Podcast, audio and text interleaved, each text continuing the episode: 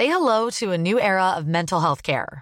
Cerebral is here to help you achieve your mental wellness goals with professional therapy and medication management support. 100% online. You'll experience the all new Cerebral Way, an innovative approach to mental wellness designed around you. You'll get a personalized treatment plan from a therapist, prescriber, or both in a safe and judgment free space. Your cerebral therapist or prescriber will outline a customized plan with clear milestones along the way so you can get to feeling your best. With Cerebral, you're not alone in your mental health journey. We're here to empower you to live a fulfilling life. So take that first step towards a brighter future and sign up today at cerebral.com slash podcast and use code ACasts to get 15% off your first month. Offer only valid on monthly plans. Other exclusions may apply. Offer ends July 31st, 2024. See site for details. Botox Cosmetic, out of botulinum toxin A, FDA approved for over 20 years. So, talk to your specialist to see if Botox Cosmetic is right for you. For full prescribing information, including boxed warning, visit BotoxCosmetic.com or call 877-351-0300. Remember to ask for Botox Cosmetic by name. To see for yourself and learn more, visit BotoxCosmetic.com. That's BotoxCosmetic.com. Hey alle reality-tjekkere, inden vi går i gang med programmet, så skal jeg lige fortælle, at den her episode er sponsoreret af Pluto TV. Og det tror jeg måske må være et af de bedste match i verden. Hvis ikke du kender Pluto TV, så er det nu, du skal lytte efter, fordi det er gratis fjernsyn. Det er gratis reality-tv. Alt du skal gøre, det er, at du skal hente appen, og så er du i gang. Og du kan også smide det op på dit tv. Og her kan du så se alt muligt reality der er nyt og aktuelt reality. For eksempel så ligger den sidste sæson, sæson 19 af Paradise Hotel, klar til dig helt gratis. Men det jeg gerne vil fremhæve i dag, det er et af mine absolut yndlingsprogrammer, nemlig Love Island UK. I ved det, jeg har talt så meget om den i podcasten. Der ligger intet mindre end seks sæsoner klar til dig på Pluto TV. Og husk, det er gratis. Du skal ikke have en VPN eller alt muligt, som man normalt ellers må gøre, for at se sine yndlings reality-programmer fra England og, og USA. Men seks sæsoner af Love Island UK, og det er de første seks sæsoner, så det er helt tilbage fra den originale sæson ind, dengang det var mindre super, den der i dag. Det var den gang, hvor de røg og drak foran kameraerne. Det var crazy days. Øh, sæson 3 ligger der. Det er en absolut bedste sæson, og det var der, hvor vi blev mere forelsket i bromansen mellem Chris og Kim, end vi gjorde i parne, som var med. Og så er der jo selvfølgelig sæson 5, som har det vildeste drama, jeg nogensinde har set. Og det var også der, min ven, I ved, ham jeg mødte og hang ud med en uge for, et, hvad var det, to sommer siden nu? Jordan Hames. Så den lille guldklump af seks sæsoner, Love Island, der bare ligger klar til dig inde på Pluto TV. Men der er også meget andet reality-tv. Der er rigtig meget dansk nostalgi. Købmand på første klasse med Ingrid en Diamant Mor Pitsner. Med kniven for struben, og hvis du er heldig og finder lige præcis det afsnit, så kan du møde far til Bo, altså Rasmus for Bachelorette i et af afsnittene. Og så er der også et par sæsoner på Lækker til Love. Det er med Man Machine Jonas fra Love Island her i Danmark. Det eneste, jeg mangler, det er, at man kan se den amerikanske The Bachelor Bachelorette. Men det er jo her med en opfordring til Pluto TV. Du kan se både on demand og live tv. Og det eneste, du skal gøre, det er at downloade appen, det er at hente den, bum, kom i gang. Og hvis du vil gemme, hvor du er nået til on demand, så kan du lave en gratis profil, så husker den, hvor du er nået til, hvis du må stoppe midt i det hele. Det eneste er, at der er reklamer midt i programmerne, men det er vi jo efterhånden vant til, hvis man skal have lidt gratis content. Du ved, lidt ligesom reality check altid har været. Så må man lige nøjes med lidt reklamer en gang imellem. Men hvad venter du på? Lad os se Love Island UK sammen på Pluto TV-appen. Og så skal vi i gang med podcasten. Uh, her plejer jeg jo at præsentere en eller anden medvært. Men i dag er det bare mig, Marlene Weibel. Den the OG host, OG verden på programmet, som prøver det her alene. Lang historie kort. Øh, jeg styrtede ned to traptrin for i søndag aften på vej i seng. Jeg skulle øh, møde på arbejde næste dag klokken 6, så øh, det var rigtig fedt. Jeg havde 50 statister til en tv-serie, vi er ved at lave. Og øh, jeg napper to trin ned af en trappe, og øh, har forstået begge mine ankler Så jeg er totally handicappet. Og så samtidig så er det rimelig meget sygdom, så en person skulle have været med, er nu syg, og så var jeg sådan lidt, okay, jeg kan jo ikke blive ved med at, lang, jeg kan jo ikke blive ved med at smide gamle afsnit op. Og så tænkte jeg, hvad fanden skal jeg gøre? Hvad fanden skal jeg gøre? Så tænkte, jeg prøver det. Jeg prøver at se, om jeg kan lave det selv. Kan jeg snakke med mig selv i en time? ja, det kan jeg godt. Øhm, men er det interessant? I don't know. Øh, så nu prøver vi lige at lave en reality check for første gang i historien. med kun én vært. Og det er mig. Så øhm, sorry about it. Velkommen til Reality Check. Det her, det er podcasten til dig, som elsker reality. Men det er også podcasten til dig, som hedder, at du elsker reality. Og jeg sidder med et headset på, og jeg kan sjovt nok ikke høre mig selv i ørerne, fordi normalt så plejer jeg at høre Maria, eller hvem end der er i den anden ende. Uh, så jeg ved faktisk overhovedet slet ikke, hvorfor jeg har det skide headset på. Men never mind. Øhm, det jeg så har besluttet at gøre i dag, det er, jeg har stillet jer nogle spørgsmål ind på Instagram. Der er så mange spørgsmål. Der er ni timers øh, podcast bare spørgsmål. Og det er jo mega fedt. Jeg prøver at vælge nogle af dem ud. Jeg ved ikke, om jeg skal sige jeres navne, eller jeg ikke skal. Jeg kan jo starte med at, spørge, jeg kan starte med at svare på et, fordi at øh, en, der hedder Morten, som var med i Bachelorette, og jeg er alene sammen, han har spurgt, hvem der er, har været min yndlingsgæst slash medvært. Og altså, jeg skal jo sige ham, for det er jo det, han fisker efter. Det er det jo ikke. Det ved han jo også godt selv. Men faktisk, jeg talte i telefon med ham i helt vildt lang tid i går. Han er skide sød, og han kommer snart med i en podcast, hvor øh, vi skal tale Selling Sunset. Han er i fuld gang med at binge alle sæsonerne, og han hader Christine, og det glæder mig til at tale rigtig meget med ham. Og hvorfor skal han se Selling Sunset sammen med mig? Fordi han er jo fucking Tornbys number one real estate agent. Så øh, det er jo meget passende, at han ser på ejendom i Hollywood, når han selv sælger ejendom i Tornby.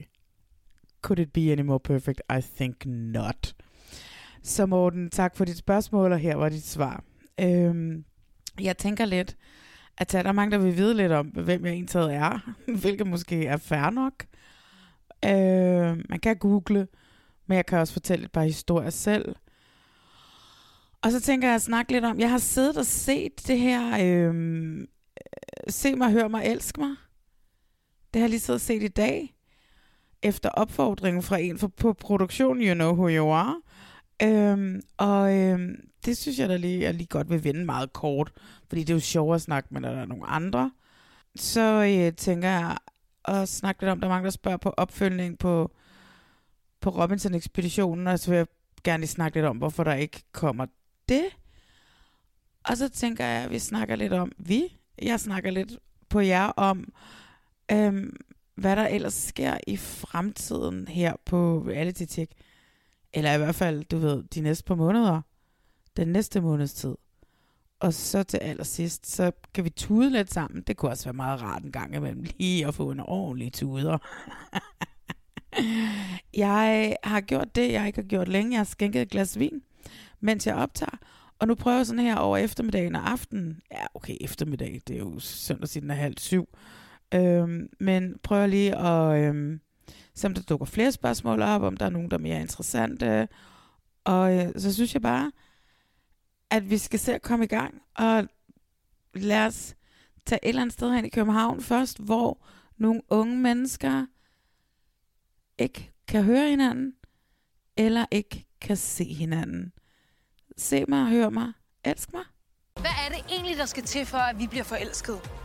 Herovre på hotellet skal 20 singler date hinanden på en måde, som de aldrig har prøvet før. What the fuck? Hvad var det der? Singlerne skal nemlig date hinanden på to måder. Enten så kan de kun se hinanden, eller også skal de kun høre hinanden. Jeg har det godt, når jeg snakker med dig. Jeg smiler, når jeg snakker med dig. Men vil deres øjne og deres ører forelske sig i den samme person? Vi snakkes 100% ved. Der skal jeg snakke med igen. Der er ingen tvivl. Ej, nu er... Og hvad ender med at blive vigtigst for dem, når de skal finde et match? Jeg er mega rørt til tår. Han har en nice body. Nej, er du givet mig blomster? Lidt svært ved at forstå, hvad der Kenny vil sige. Hej. Selvom singlerne kun kan se eller høre hinanden, så kommer vi til at se og høre alt. Det der, det smelter hjerte. Wow. Hvad, skal vi også giftes i morgen, eller? Det sagde du bare ikke, det der. Jeg vil rigtig gerne kysse ind. Så laver han sådan en... Det er lidt cringe. Skulle ikke forkert. Nej tak, nej tak, nej tak. Det gør mig fucking sur. Jeg føler mig dum, så det, det gider jeg simpelthen ikke. Ja, som sagt, så har jeg set de to første afsnit af Se mig, hør mig, elsk mig. Og øh, dem har jeg set i dag. Jeg synes for det første, at der sker noget interessant i dansk dating lige nu. Øh, dansk dating reality, reality dating lige nu. Fordi vi har to formater, som lige nu er kommet ind, som er, er, er udviklet herhjemme, egenudviklinger for produktionsselskaber. Det ene hedder Døm mit forhold, som jeg synes er lige nu et perfekt program, som er udviklet af en tilrettelægger, som hedder Mikkel Strøm. Og det som det er lidt der, jeg har faktisk aftalt med ham, at ham og jeg laver en minisode i næste uge, øh, som så kommer den næste uge igen, hvor vi taler lidt om det. Jeg har kendt Mikkel i mange år i branchen. Vi arbejder sammen på nogle produktioner, og han har bare altid været en fantastisk fest at være i nærheden af. Og nu vil jeg bare høre lidt om det her med at få en idé, og så at det ender med at komme i fjernsynet. Det er jo sådan noget, jeg altid vildt gerne har ville. Altid drømt om at udvikle øh, af en eller anden grund, så er det ikke noget, man rigtig ansætter kvinder til. Selvfølgelig. Øh, så hvad hedder det? Så det vil jeg vildt gerne snakke med, med Mikkel om, og det glæder mig helt vildt meget til. Glæder mig meget til at høre om hele tankeprocessen omkring det her. Jeg synes, at det er virkelig genialt. Hvis ikke I har set det nu, døm et forhold, gå ind og se det. En gruppe unge mennesker flytter ind i et meget lækkert sommerhus et eller andet sted. Anna Lind, hun er vært. Og øh, her skal de sådan set ja, snakke om hinandens forhold. Og, og om alle de her fordomme, man har, om stereotyper, og også alt det her med, at vi altid går rundt og kloger os på hinandens forhold. Altså, jeg er kronisk single, men kom til mig og spørg mig råd om dit forhold, og jeg skal bank, men nok fortælle dig en ting eller to. Der er øh, skønne, skønne par med. Jeg synes, jeg synes, castingen af programmet er rigtig godt. Der er dog et enkelt par. De hedder øh, Mariah, eller Maria og Nana. Et, øh, et lesbisk par, som jeg har et kæmpe problem med. Det trigger så meget i parforhold, jeg har været i med kontrol, og, øhm, og det, det, det kan jeg slet ikke have. Jeg synes, at jeg synes ikke, de passer ind i formatet, fordi at jeg synes, at det bliver decideret ubehageligt. Der er jo ingen tvivl om, at Mariah, hun fuldstændig, Mariah eller Maria fuldstændig kontrollerer Nana. Lige meget hvad, så vil hun ikke forstå, hvad det er, der bliver sagt. Jeg har været i forhold med, med den type mænd, og øh, det, det trigger mig så meget at se dem. Jeg får ondt i maven af at sidde og se dem. Men jeg synes ret meget, de andre par er ret skønne. Øh, der er, hvad hedder hun, Liv og Lukas, hvor jeg bare sådan synes, at Lukas er ret, de, de er bare ret skønne sammen. Øh, og så er der de der hippieparet, som de bliver kaldt, Nora og Katrine, dem som gerne vil være i et åbent forhold, men som måske ikke rigtig vil være et åbent forhold. Jeg tror, hvis man stiller spørgsmålstegn ved, om man vil være et åbent forhold, så skal man nok ikke være et åbent forhold. Hør lige single dame her sidde og være så klog på at være i et par forhold.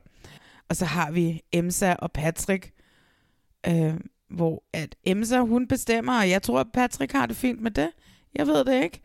Øh, det er bare nogle, de fleste af parerne er bare ret skønne. Jeg synes, at man, når man har Maria, Mariah og Nana med, så skal der bringes en trigger warning.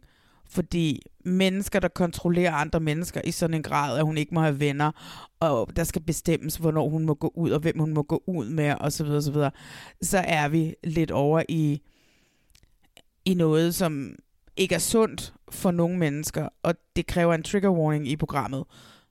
Det gør det bare. Det er lidt ligesom, når man ser Love is Blind, og man ser de der, ham der den forfærdelige øh, uh, 6. januar-typen, der siger, at hun ikke må have makeup på. Altså, du skal ikke bestemme overhovedet, hvordan jeg skal se ud. Så jeg er, sådan, jeg er meget spændt. Nu har vi jo kun set to afsnit, og jeg glæder mig sindssygt meget til at høre om processen fra øh, Mikkel til, fra udvikling til, at nu kan han tænde sig ned og tænde sit fjernsyn om søndagen, eller hvornår det kommer, hvis det er på stream. Jeg ved ikke, om, eller hvis det er på Flow, jeg ved ikke, om det kun er på stream. Og, øh, og så se det færdige resultat, det må man jo være så latterlig vildt og stolt af. Og, øh, og så er det jo bare ret skønt, at vi har Anna Lind med som vært. Hun er jo dejlig. Vildt nok, hun også lige var nede og vende på Paradise, ikke? Altså, fuldstændig vanvittigt.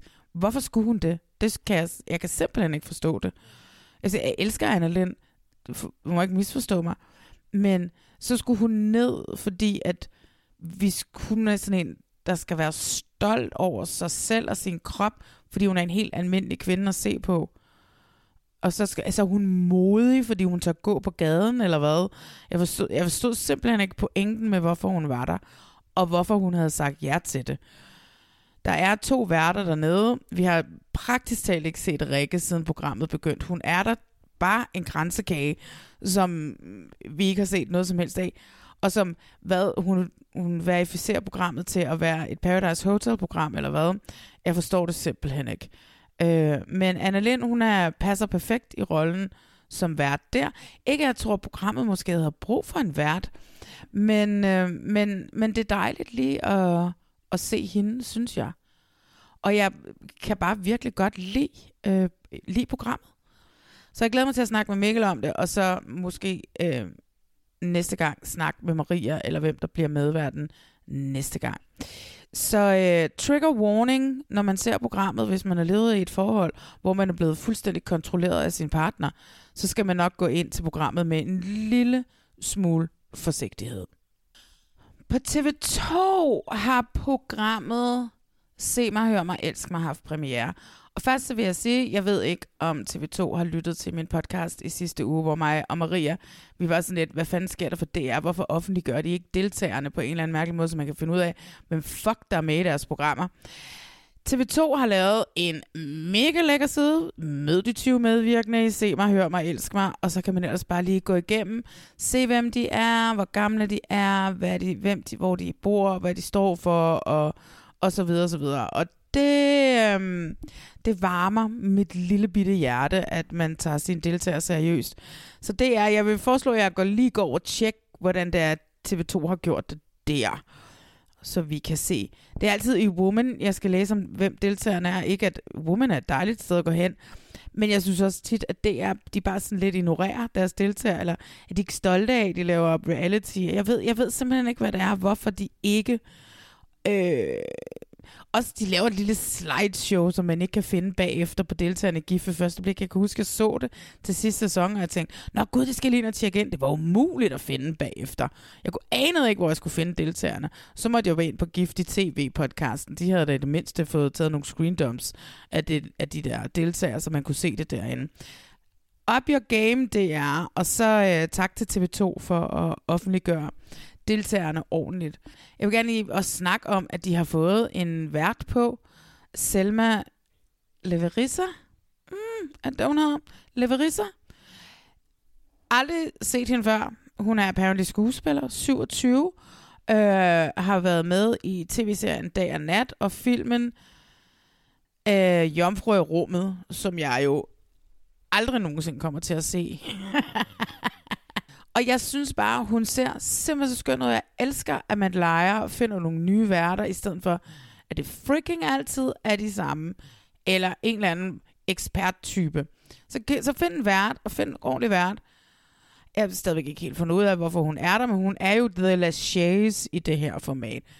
Jeg har set de to første programmer i dag, på opfordring fra en for produktionen. Og øhm, jeg hader det ikke jeg elsker, at det også igen er en egen produktion, øh, som øh, har potentiale til at blive solgt til udlandet. Det er der, der slet ingen tvivl om. Men kan vi snakke lidt om, hvor meget det lugter Love is Blind? Det er sådan en meget dansk udgave af Love is Blind. Nå, så Netflix gad ikke at lave Love is Blind Danmark, så laver vi det bare selv med nogle twists. Øhm, det synes jeg bare er... Og det er det, hvor jeg sådan altid tænker sådan lidt, og jeg elsker, at vi laver vores egne udviklinger, men jeg bliver også bare sådan lidt, ah, okay, det er jo bare det samme. Det er jo bare, ligesom, du ved, alle de der smør, ikke? Kildegård, hvad hedder det? Bakkegård, Bakkedal, og så, øh, alle de der forskellige, det, det er fuldstændig det samme, og det smager det samme, og det ligner lidt det samme. Men når det så er sagt, så synes jeg, det er fedt, at, at der kommer nogle nye formater og at formaterne er danske. Det kan jeg godt lide. Jeg synes, hvis jeg lige skal gå tilbage til den øh, side, jeg har med castet, hvor de er der. Jeg synes, castet er ret godt. Jeg var faktisk meget overrasket. Øh, de er mellem 21 og 31. Jeg kunne stadigvæk måske godt have ønsket, at de var lidt ældre, men det er jo TV2 Echo, så skal de jo være unge. Men jeg kan godt lide, at der er lidt diversitet i det. Jeg kan godt lide, at der er nogle plus size personer med. Jeg er lidt nervøs for det, øh, fordi jeg selv som plus size pige oplever, hvordan man bliver sorteret fra, når de finder ud af, at man er en stor pige. Så det kan jeg godt være lidt nervøs for, men øh, jeg elsker, at der er castet i hvert fald to kvinder. Jeg ved ikke, hvorfor der ikke er nogen plus size mænd med, men øh, fordi jeg tror, kvinder i princippet har lettere ved at sige ja til en plus size mand end omvendt. Fordi mænd fucking sucks. Øh, men øh, jeg synes, at det er et ret diverst cast, og jeg synes, det er et ret skønt cast, og der er ikke sådan en eller anden yber skønhed, der, der skinner igennem. Man kan også se, at de sådan bliver tiltrukket af nogle forskellige typer og så videre. Kort fortalt, så er det, det går ud på, der flytter 20 mennesker, 10 kvinder, 10 mænd ind på et hotel et sted i København. Det ser dejligt ud. Og de skal så date gennem en periode, jeg ved ikke hvor lang tid. Og de dater på to forskellige måder. De dater, hvor at de kan se hinanden, men ikke tale sammen. Øh, så se mig. Eller også så dater de på hørmermåden, som er fuldstændig ligesom Love is Blind, hvor de er på deres værelser, og så kan de tale med en anden. Så har de sådan nogle 5 minutters dates, hvilket jeg synes er lidt mærkeligt, at man ikke bare får ubegrænset tid. Men okay, det er første sæson, lad os se, hvad der sker. Øhm, og, øh, og så ved jeg ikke, hvad der sker til sidst. Det, det har jeg lidt svært ved at forstå. Jeg er lidt svært ved at forstå, hvad det skal ende ud i. Øhm, om man på et tidspunkt vælger øh, en til eller fra, eller siger, dig er ikke interesseret i, men jeg er interesseret i dig, og, men du er ikke interesseret. De bliver også sendt ud på nogle dates, som giver mening. Hver aften skal de rate hinanden. Så er det jo i bedste The Circle-stil. Sidder de på deres værelser og skal rate hinanden. Og jeg synes, for udseende synes jeg, at ham her er pænest. Jeg har talt med værelse 408. Jeg synes, at han er skønnes. Fordi de ved ikke, hvem de taler i telefon med andet end et værelsesnummer. Og når de ser hinanden, så ved de jo ikke, hvilket værelse hinanden bor på. Så man kan ikke rigtig vide, om ham, man synes er mest tiltalende, når man ser ham, også er ham, man taler med om aftenen. Det er meget spændende, det er meget interessant, det kan godt skabe noget drama. Jeg ved ikke, hvordan det kan skabe drama, hvis de ikke må tale sammen. Vi får se. Men for eksempel så i afsnit 2, så øhm, er der to, der bliver sendt ud på en date sammen, og det er, finder jeg dem lige, Stine på 26 fra København. Hun bliver sendt på date med, jeg tror jeg noget Frederik. Okay, jeg ikke finde ham. Babyface. De synes altså, ham der, de synes altså, han var så mandig. Jeg er Frederik fra Aarhus. Og de bliver sendt ud på en date sammen, hvor de kan se hinanden, men ikke tale sammen. Og det gør de, fordi de har ranket hinanden øh, begge to som den, de bedst kunne lide, da de så hinanden. Til gengæld, så er der så en anden date, som jeg ikke helt forstår, hvorfor. Fordi der er en kvinde med, som hedder Asta øh, på 23. Og hun får muligheden for at gå ud med tre, to fyre, som vi ser billedet på, og ind fra værelse 408, apropos, fordi at de har åbenbart haft en god snakkedate aften før, og så må hun vælge en af de tre, hun må gå ud med. Hun vælger så værelse 408, det vil sige, at de mødes, men de kan ikke se hinanden. De sidder ved det samme bord, men der er sådan skiller. Igen, ham hun kun har kunnet høre, kan hun igen kun høre. Og øh, jeg ved ikke, hvorfor hun får den her special date og muligheden for at vælge mellem tre fyre, når de andre ikke gør. Det, det kommer der ikke rigtig nogen forklaring på, og igen, det er jo nok bare noget, vi skal lære med se, til sæson 2, ikke? Nå, skal vi ikke lige sige skål her? Så de to programmer, synes jeg er meget spændende. Jeg glæder mig til, der kan være, der kommer noget øh, drama snart.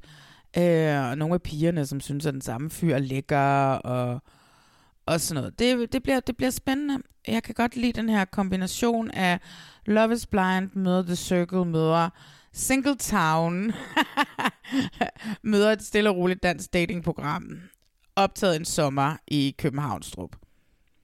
Det kan noget, venner. Det kan noget. Så tillykke til, til de to kanaler med egen udviklede øh, formater, som rent faktisk fungerer. Det er fandme sjældent, det sker, ikke? Men altså, lad os komme videre til jeres spørgsmål til mig. Men okay, så lad os prøve at øhm, svare på nogle af jeres spørgsmål. Der er sindssygt mange, der har skrevet på Instagram. Skal være ærlig at tro, jeg troede bare, at jeg skulle sidde og digte spørgsmål, fordi der er ikke for nogen, der gad at øh, stille spørgsmål. Men der er så mange spørgsmål, så jeg kan snakke i... Jamen, nu har jeg sagt 9 timer flere gange. 9 timer. Og bare svare på spørgsmål. Så det er jo mega fedt. Øhm, først så er der nogle stykker, der spørger til med mig og min baggrund og så videre. Og det øhm, har jo aldrig været noget sådan rigtigt at tale om, at folk ved selvfølgelig, ved selvfølgelig at jeg kaster og har kastet i mange år. Øhm, men vejen til jeg blev kaster, er sgu en lille smule krøllet. Så lad os snakke om den. Ja, det vil jeg da godt fortælle Jeg startede jo med, jeg var uddannet bibliotekar. Altså simpelthen uddannet til at låne bøger ud på bibliotekerne. Men samtidig med, at jeg studerede, der skrev jeg også en blog, dengang man gjorde det, der hed Singleton. Og på et tidspunkt, så skulle øh, The Voice bruge en ny stemme, en kvindelig stemme.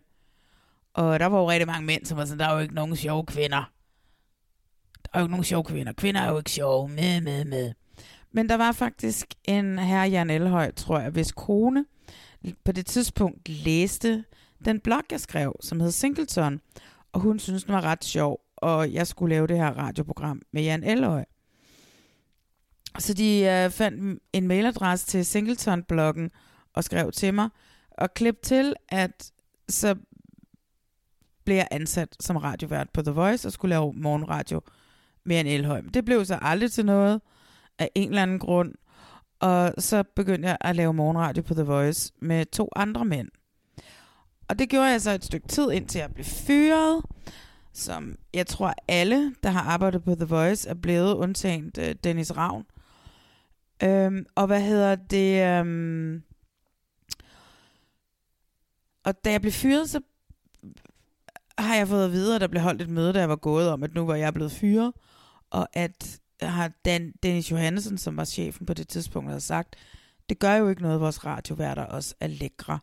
Og så ansatte de Mads Javang i min stilling. Sjovt, ikke? Øhm, og øhm, så kom jeg over, over på DR på Boogie-redaktionen og lavede X-Factor Radio med Emil Nørlund, som på det tidspunkt også var øh, score Emil. Så det var Singleton, som jo var en ung kvinde, som gik ud og scorede mænd i København og score Emil, som var en ung mand, der gik rundt og scorede damer i København. Og så lavede vi noget radio et stykke tid over i DR.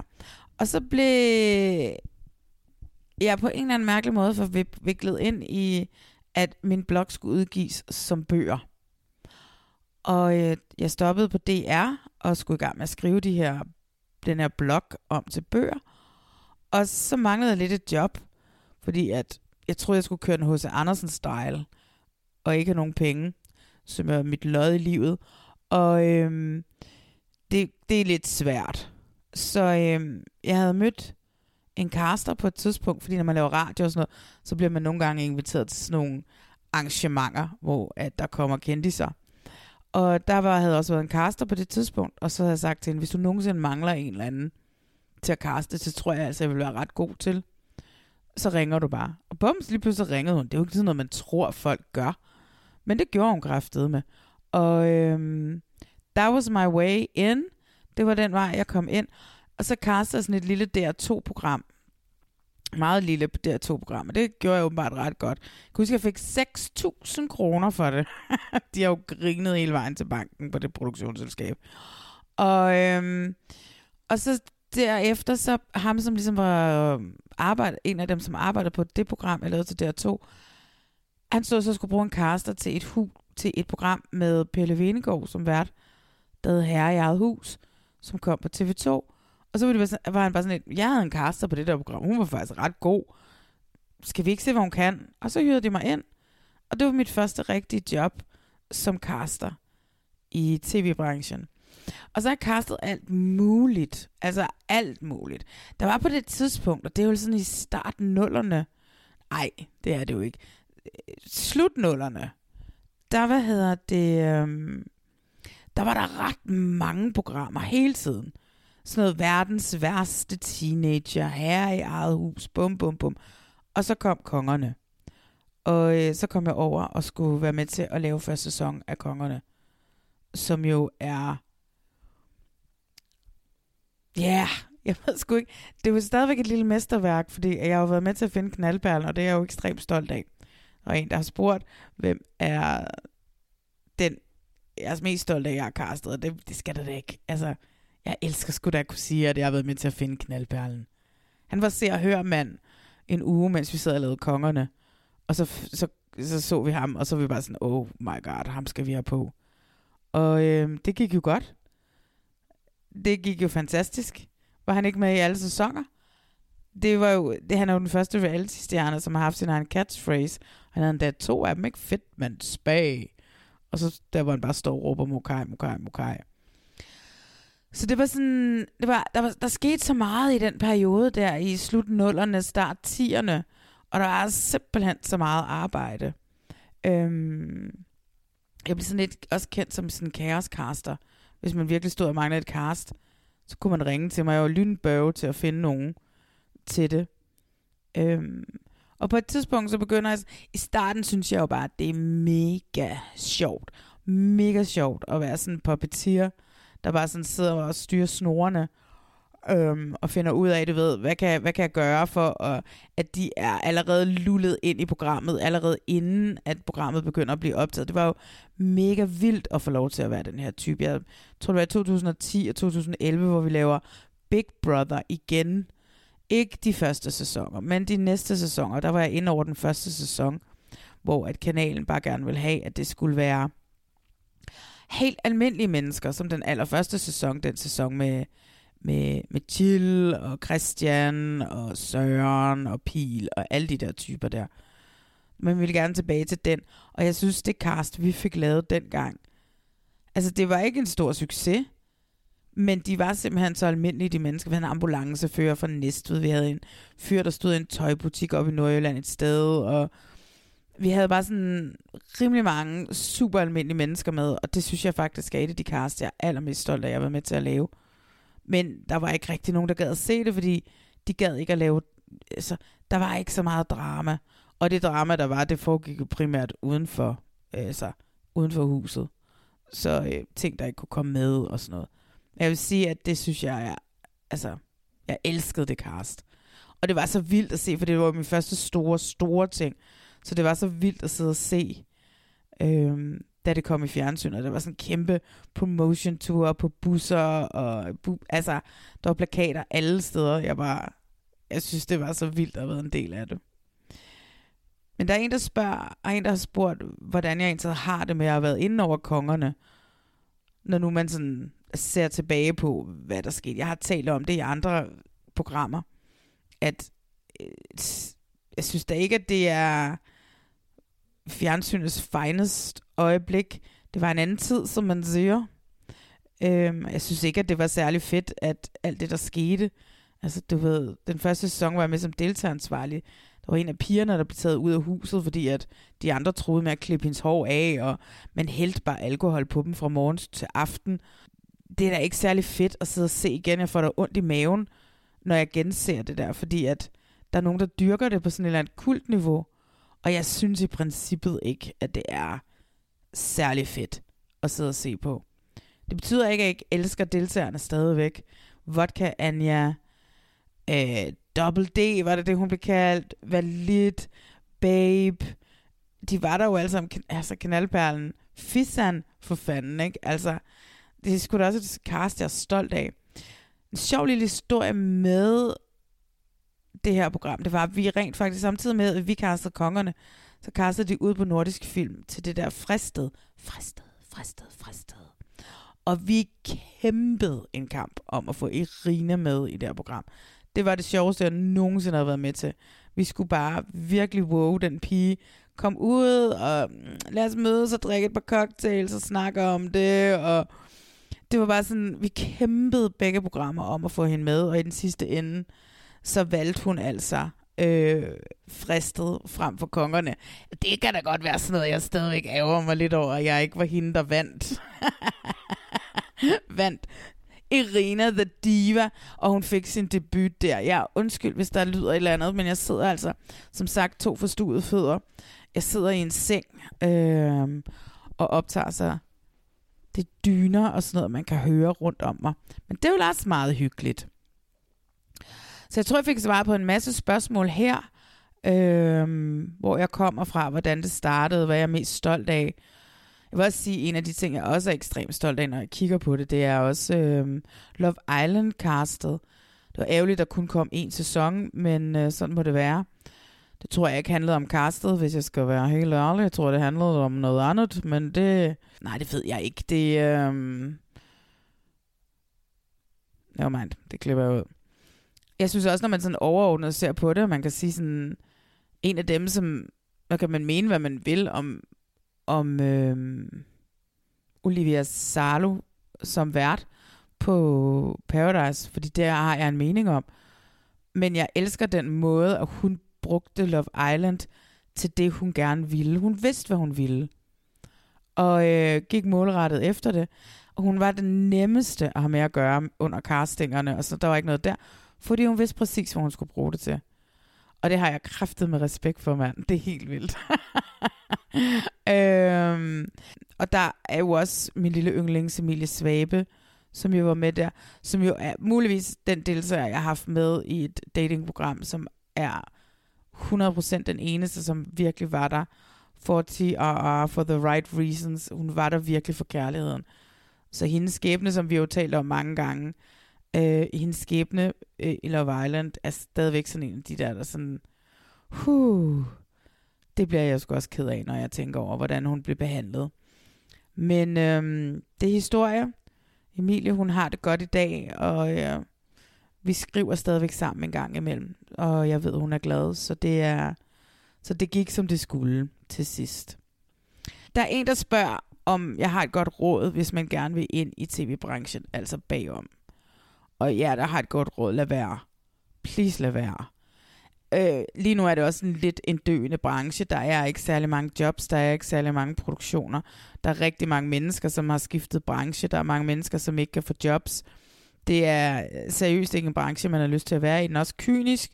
Den er hård. Man skal virkelig, virkelig, virkelig passe på sig selv, når man er en del af det. Så jeg vil aldrig nogensinde anbefale nogen at arbejde bag kameraet.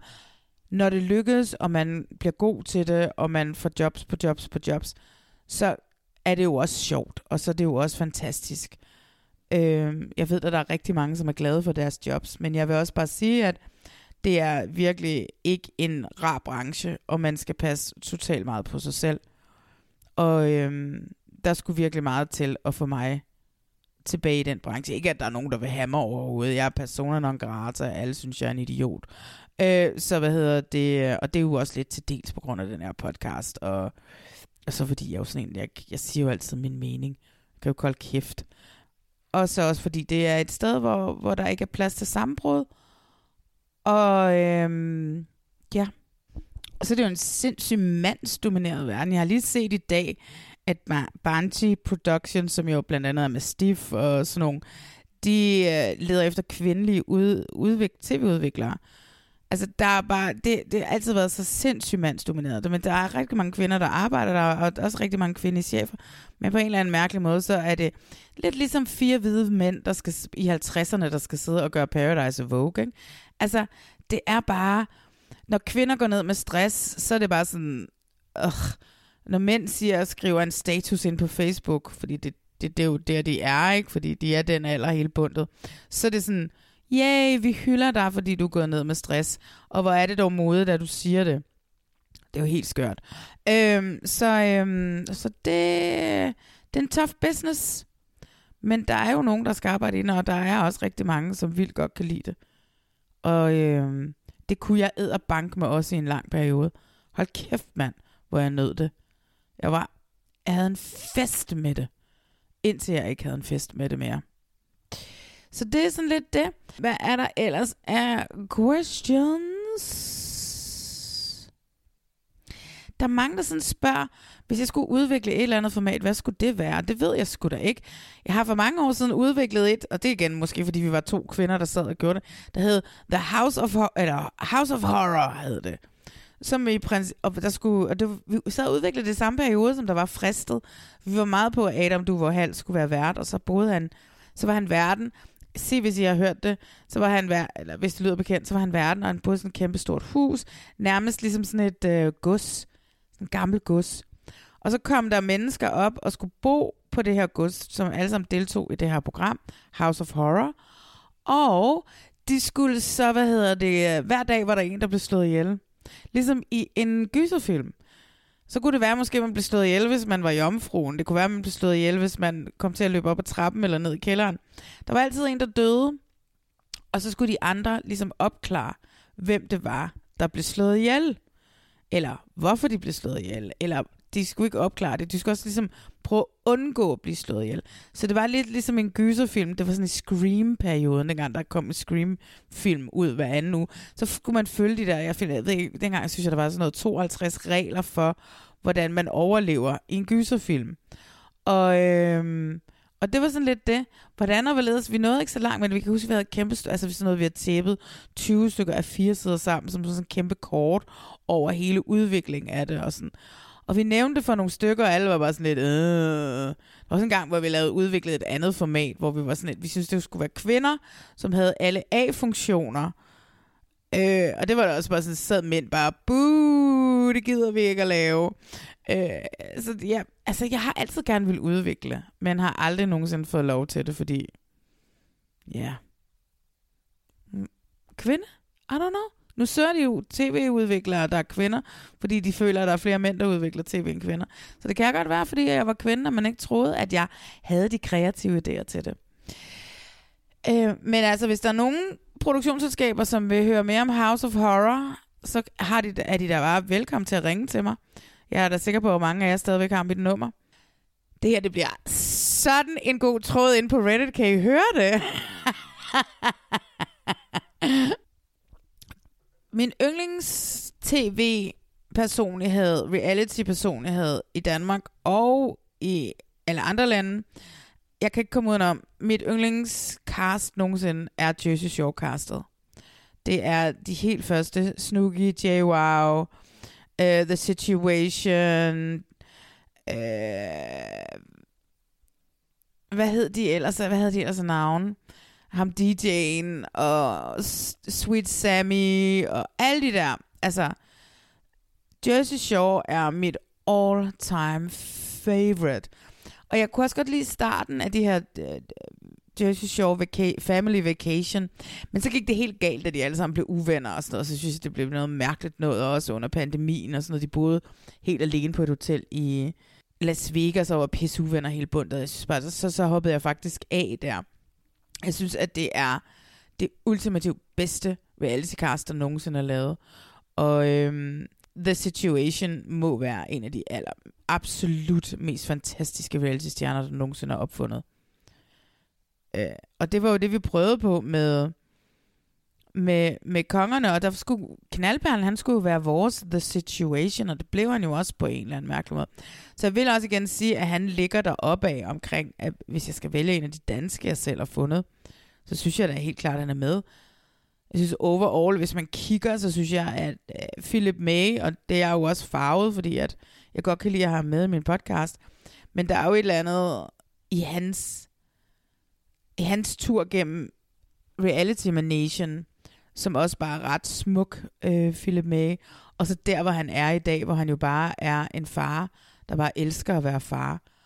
Og så gider han sådan set bare ikke rigtig andet end at være far. Det er da smukt, når der er en mand, der endelig gider det, ikke? Hej, gas, der er jo masser, der gider det. Men forstå det. I ved, jeg joker.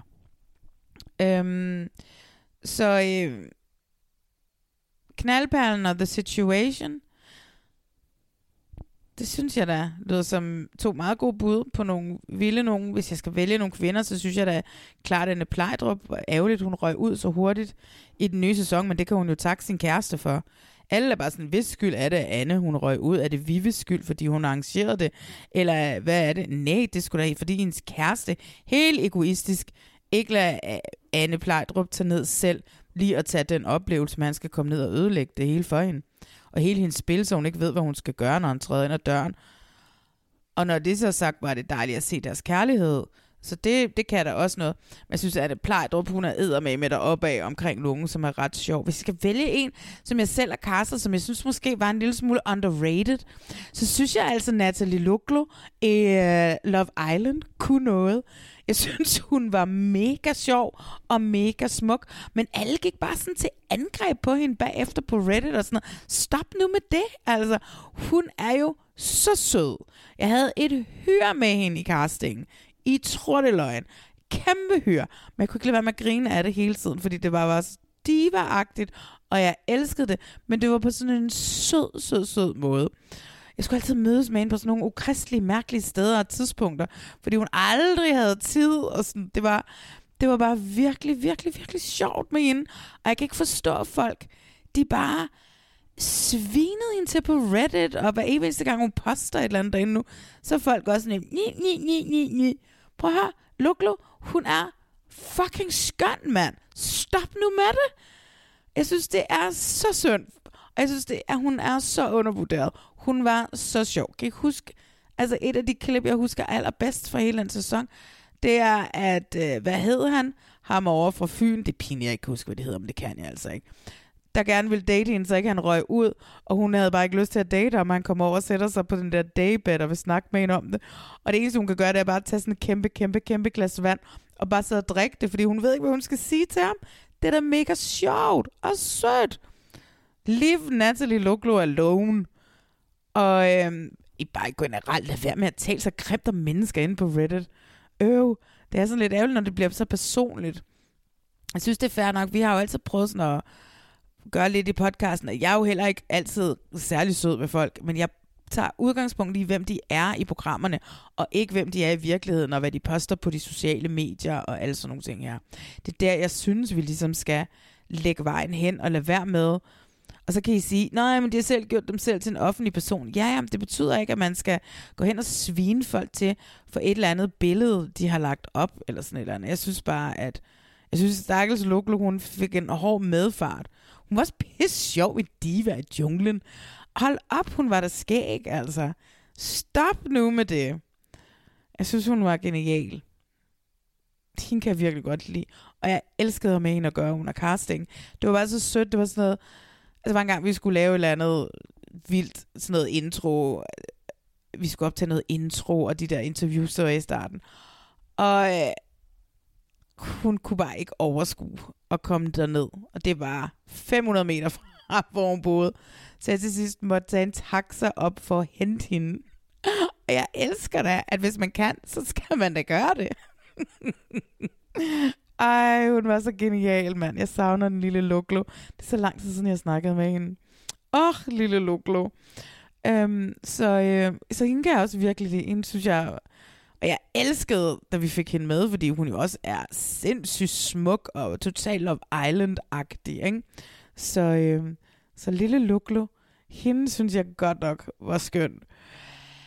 Hvis jeg lige hurtigt skal svare på lidt ekstra spørgsmål, for jeg sidder bare og ranter af om alt og ingenting. Jeg må lige prøve at finde noget.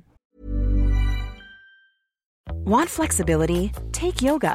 Want flexibility with your health insurance? Check out United Healthcare Insurance Plans. Underwritten by Golden Rule Insurance Company, they offer flexible, budget friendly medical, dental, and vision coverage that may be right for you. More at uh1.com. Botox Cosmetic, out of botulinum toxin A, FDA approved for over 20 years. So, talk to your specialist to see if Botox Cosmetic is right for you. For full prescribing information, including boxed warning, visit BotoxCosmetic.com or call 877-351-0300. Remember to ask for Botox Cosmetic by name. To see for yourself and learn more, visit BotoxCosmetic.com. That's BotoxCosmetic.com. I vil rigtig gerne også sladre lidt. Og det synes jeg er sjovt. Der er mange, der spørger, hvor pokker bliver X on the Beach af? Eller ikke mange, der er en 3-4 stykker af, der har skrevet spurgt med. I don't know, I don't care. For min skyld behøver det aldrig at komme tilbage. Skrækkeligt, skrækkeligt format. Der var nogen, der skrev, at det vist nok, var- der vist nok var optaget noget i januar, men det kan komme. Der vil ske et eller andet fuldstændig vanvittigt, så de ikke kan vise det. Det ved I jo, der er. Ja, altså, jeg gidsner bare. Jeg ved da ikke skid om det. Men der er der en eller anden, der er blevet... Altså, hvorfor har de ikke vist det, hvis de har optaget noget i januar? Jeg har ikke hørt noget om, at nogen har været afsted. Jeg plejer jo også at kan se inde på min... Øh, der, hvor jeg tjekker lyttertal og sådan noget, så plejer jeg jo også at kan se... Nå, lige pludselig er der en hel masse, der, der, er i Malaj- der lytter til min podcast i Malaysia. Nå, måske det er nede op til Robinson-ekspeditionen. Så ved jeg...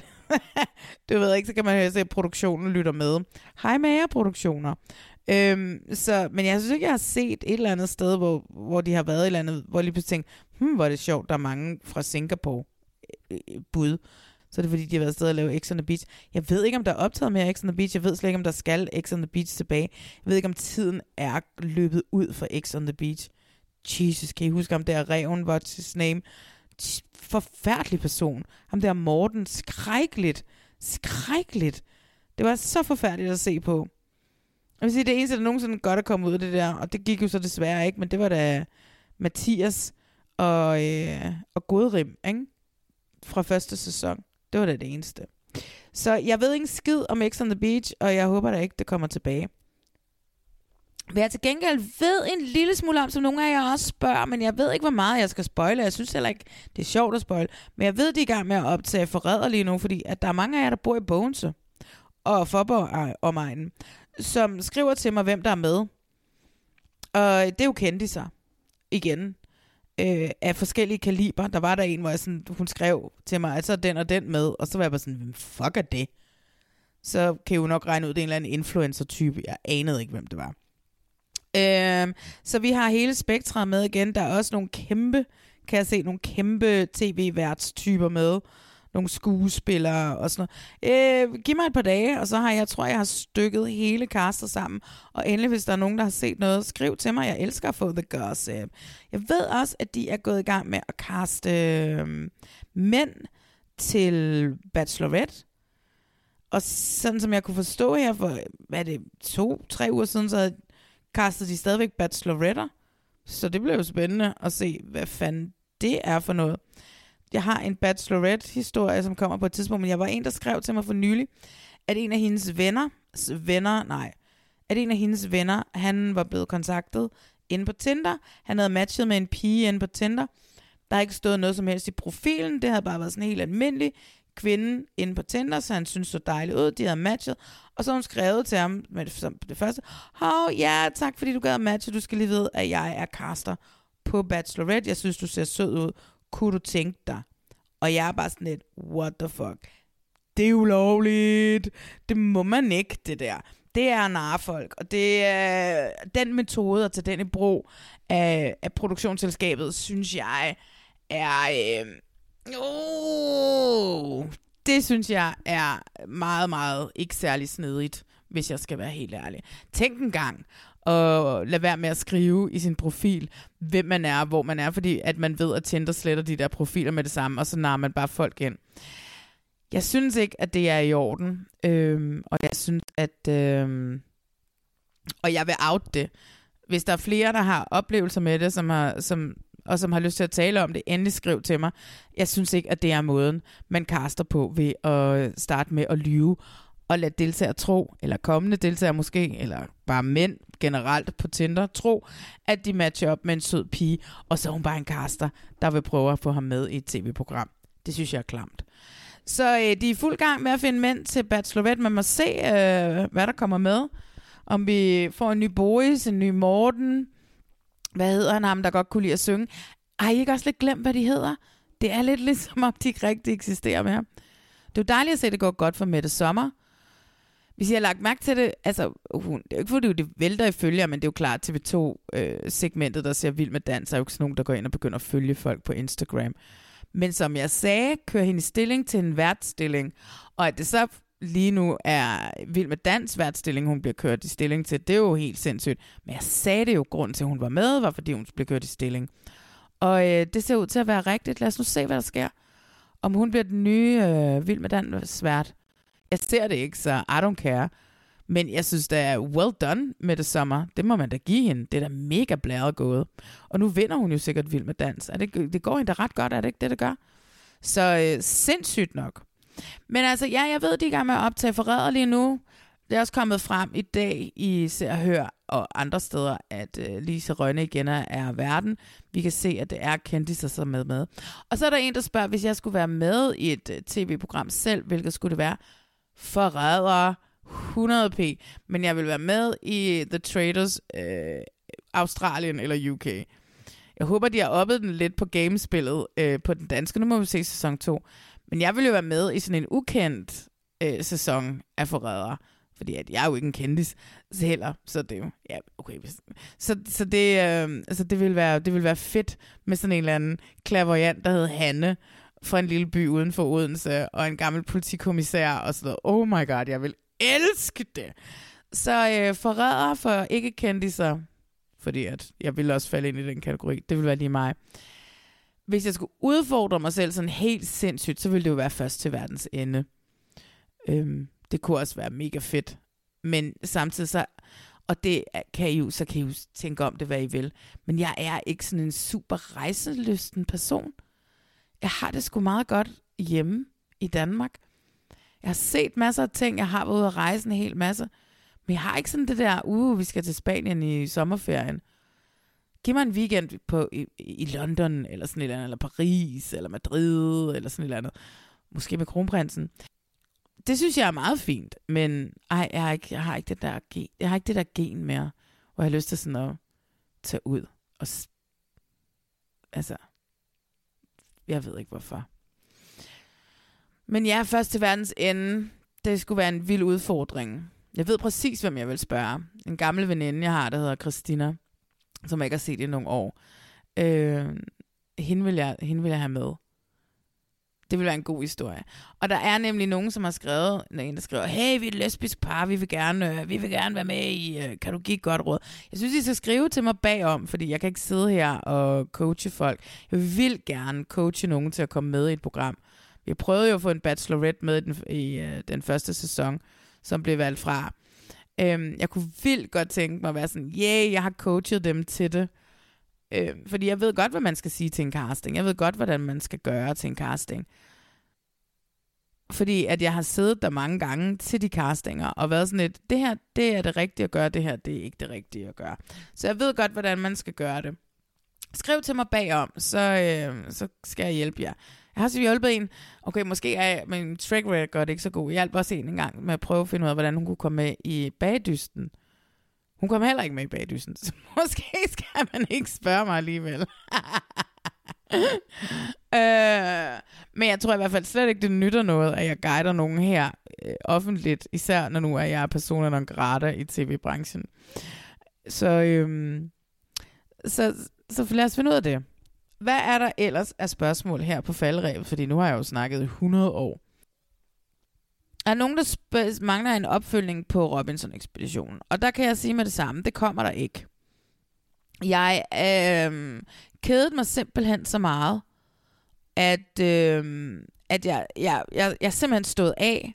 Jeg sad og så noget af det nyeste afsnit i dag, og øh,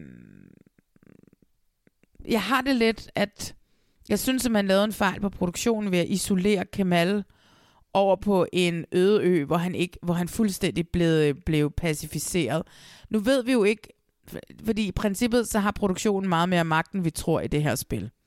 Så vi ved jo ikke, om der er blevet gjort noget, om der er blevet sagt noget, der gør, at det er nødvendigt på en eller anden mærkelig måde at få ham pacificeret derover.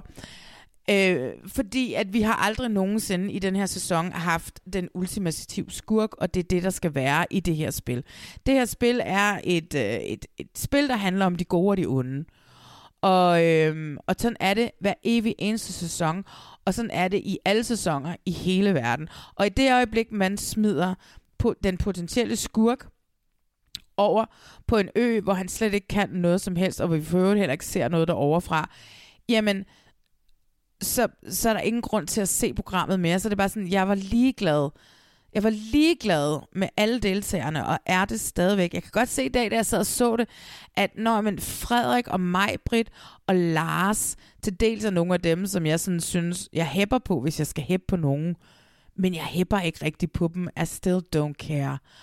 Øh, og det er øh, helt klart fordi, at man har ikke nok med, at man pacificerede Kemal over på den her ø alene, manden, som kunne blive den kæmpe skurk. Og det kan godt være, at det var for sexistisk, og man er bange for det, fordi han jo bare talte grimt om kvinder, og øh, hvor klamt er det.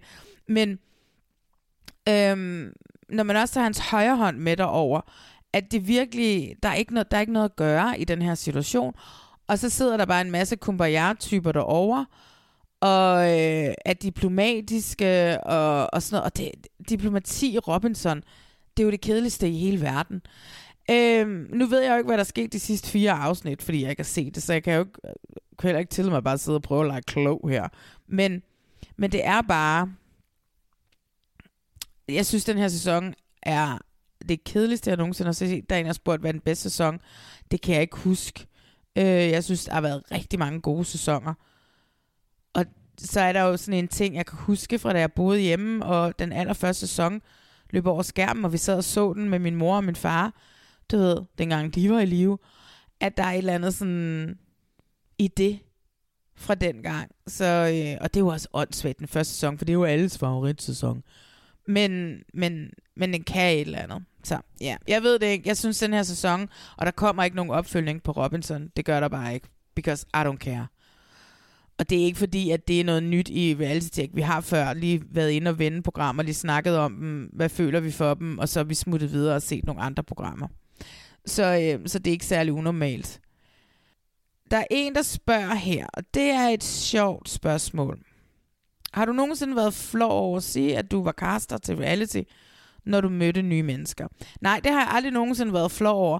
Men jeg har fået fucking mange høvl. Så har jeg siddet til et eller andet middagsselskab, og så spørger folk, hvad jeg laver, og så siger jeg, at jeg er caster, og jeg caster til tv, og bla bla bla. Og så kan folk simpelthen have en mening om, hvor latterligt et job jeg har, og hvor jeg burde skamme mig over at smide sådan nogle mennesker i fjernsynet. Og her er det bare sådan, du ved, hvem vi snakker om, så du må jo sidde og se det. Altså, hvad er du? Altså, det er det, jeg synes, der er det værste. Jeg har aldrig nogensinde været flov over at skulle sige det. Jeg har altid elsket at være caster, indtil jeg ikke elskede det mere. Men jeg har aldrig været flov over at sige det. Jeg har altid været stolt af dem, jeg har castet, og det, jeg har fundet. Og altid synes, at alle mennesker er noget værd, også dem, som er med i reality. Og det, jeg synes ikke, at det er et tabu at sige, at man caster, eller noget som helst. Jeg synes, at... Øh, så det, det, synes, det er et godt spørgsmål, fordi at det er virkelig sådan noget, der har fulgt mig meget, hvor at folk, som bor her til en middag, fordi han hvad, sidder i en eller anden fucking Nordea-bank, og bare sådan hvidvasker penge, Øh, og så kan han tillade sig at, at, at være sådan, synes, at jeg har et klamt job. Hvad snakker du om, røvhul? Og det har jeg oplevet sindssygt mange gange. Altså latterligt mange gange. Og det oplever... Det op, altså, så det, det er sådan... Ej, men det er sådan noget... Jeg, jeg, hold kæft, for har jeg været sur over det i, i, i tidernes morgen. Hold da kæft. Nå, det var lige en afstikker, for det var et nyt spørgsmål, som lige var kommet ind. Så det... Øh, det vil jeg lige tage med, fordi det... Øh... Nej, jeg har aldrig været flov, men hold kæft, hvor er mennesker nogle røvhuller, og skal sidde og dømme mig, og synes, at jeg er et dårligt menneske, fordi jeg putter mennesker i fjernsynet. Det synes jeg er mega klamt. Ej, men jeg kan jo blive ved. Der er jo så mange gode spørgsmål. Hvordan fik jeg ideen til reality check? Ja, det er et godt spørgsmål. Altså, Rasmus Geil og jeg, som startede den her podcast op nu for fem år siden, i 2018, sommeren 2018, vi, hvad hedder det, var sammen til et arrangement. Vi var til finalefesten for Paradise, og det var sådan en af de der sæsoner, hvor at de var rimelig ligeglade med dem, så det var sådan ude på en eller anden en gymnastiksal ude på Frederiksberg, der var afslutningsfest. Det var ikke cirkusbygningen eller sådan nogle ting der. Det var sådan en mærkeligt lille bitte sted. Og der var vi ude, og der var også nogle andre fra tv-branchen, og Rasmus, som jo arbejder ude i DR, og er med i uh, med en del af, hvad hedder det, af, af juryen i reality, reality Awards. Vi sad derude. Og så øh, havde jeg godt tænkt lidt over det, fordi der var ikke nogen podcast om reality-tv på det tidspunkt. Så jeg siger til, og jeg kan vildt godt lide Rasmus, og vi har arbejdet sammen. Vi har kendt hinanden siden dengang, jeg arbejdede på Bookie-redaktionen, som jeg fortalte om i starten, i starten, slutnullerne. Og, øhm, og jeg, jeg har altid synes, han var utrolig sød og sjov at snakke med. Og så var jeg bare sådan, hey Rasmus, vi skulle lave en podcast om reality-tv. Og så var han fuld, og så er Rasmus altid god til at sige ja til ting, når han er blevet fuld. Så var sådan, ja, lad os gøre det. Og så inden at vi fik set os om, så havde jeg totalt fanget ham, og var sådan, nu gør vi det! Og så gjorde vi det. Så det var bare, fordi vi sad ude på øh, til en fest, hvor de fejrede afslutningen på, øh, på Paradise.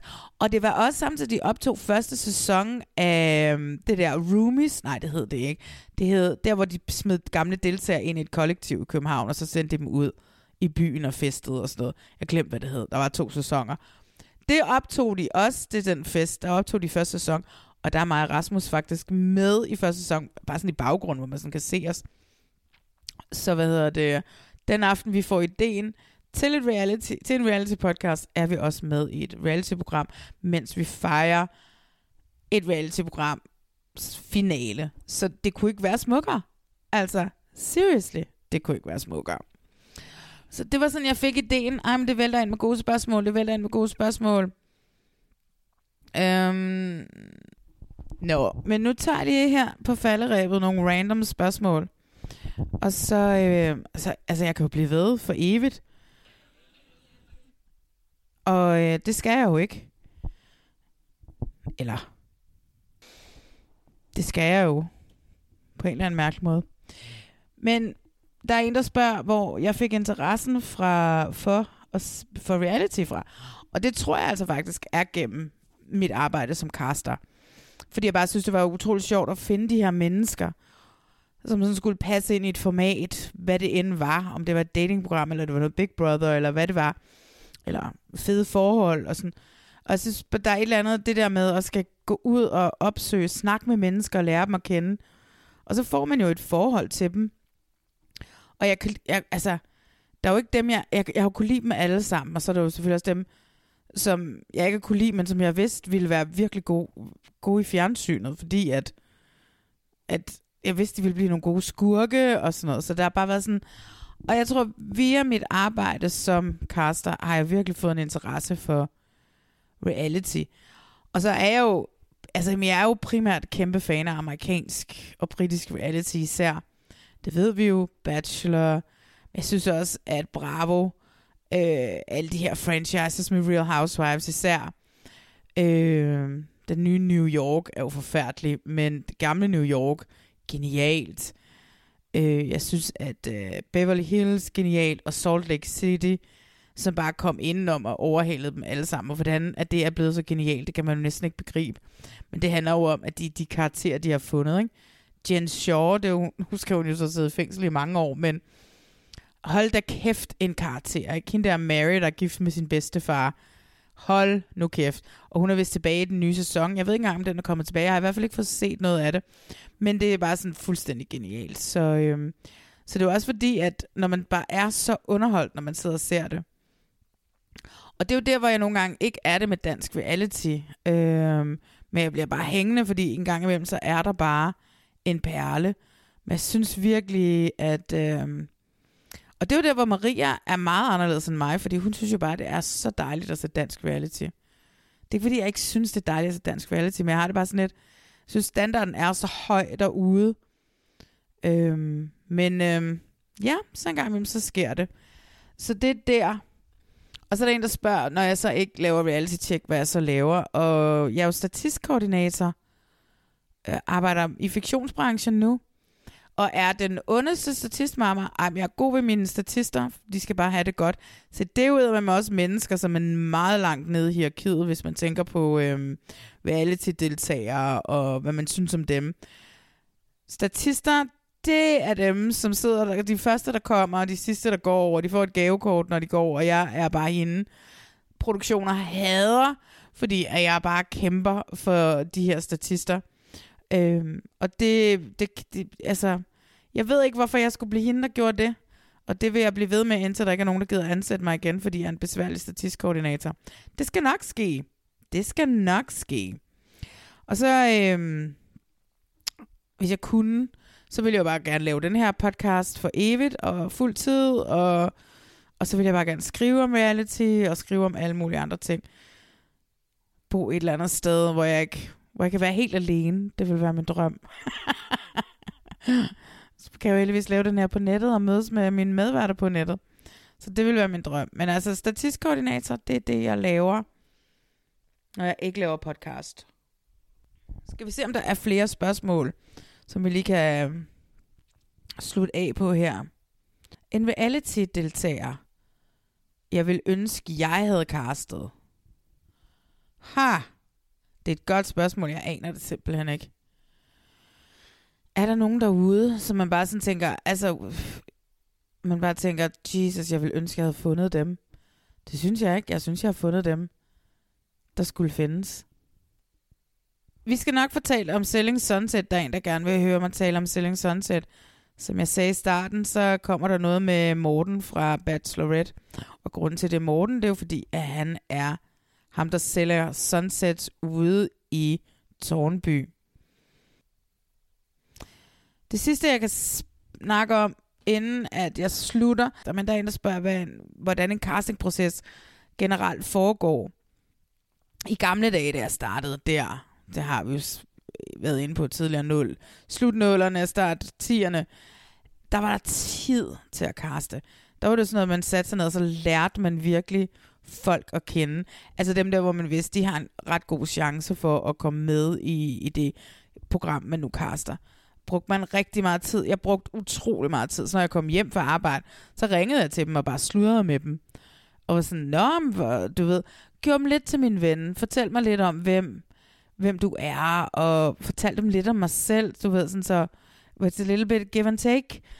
Så de sådan, det var jo også sådan det lidt, at de følte, at vi var venner så de vil fortælle mig deres hemmeligheder. Men det var bare et spørgsmål om virkelig at lære dem at kende. Men det, det virker ikke til, at der sådan er tid til det mere. Nu er det noget med, at man sender en ansøgning ind. Det skal man jo gøre på grund af GDPR. Så hvis man siger ja til at bare sådan tage en samtale med en caster, så skal man lave en ansøgning, og så kigger man på den og læser den igennem. Og der er jo ting, der er jo altid, vi har jo skrevet nogle spørgsmål i den her ansøgning, der skal svares på. Der bliver der gjorde jeg i hvert fald for mit vedkommende ja-nej-svar. Der var jeg bare sådan, ja, okay, det, det kommer jo ikke til at ske.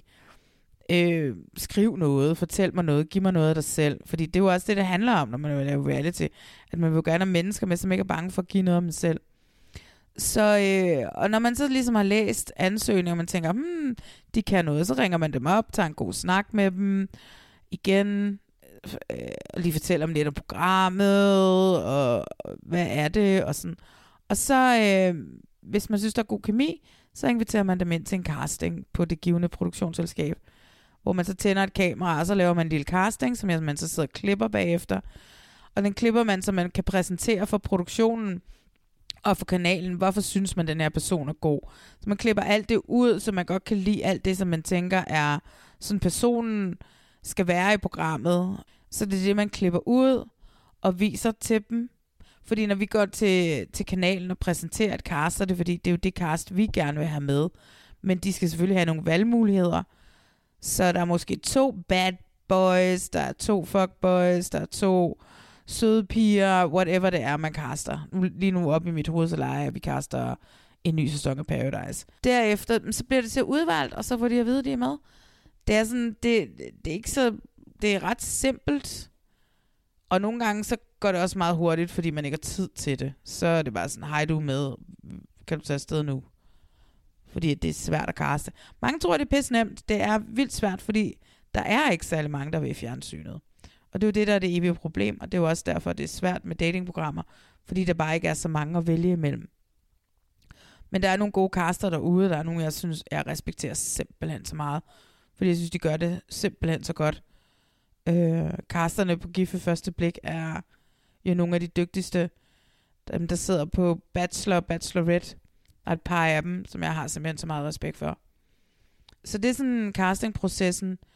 Det er gode snakke, en god casting på video, og så, hvad hedder det, så, også, så skal de jo også svare på sådan et afsindigt spørgeskema. Jo længere de kommer, ikke? så er det bare sådan, her er der lige 400 spørgsmål, svar på dem. Og så skal de til psykolog, inden de skal afsted. De skal lige godkendes af en psykolog, som siger, at det er okay, vi kan godt sende dem afsted. Men øh, skal der også være en, øh, skal der ikke være nogen hemmelighed? Jeg har da også arbejdet på produktioner, hvor at det har været sådan lidt mere lasse færre med det, fordi vi gerne vil have dem med.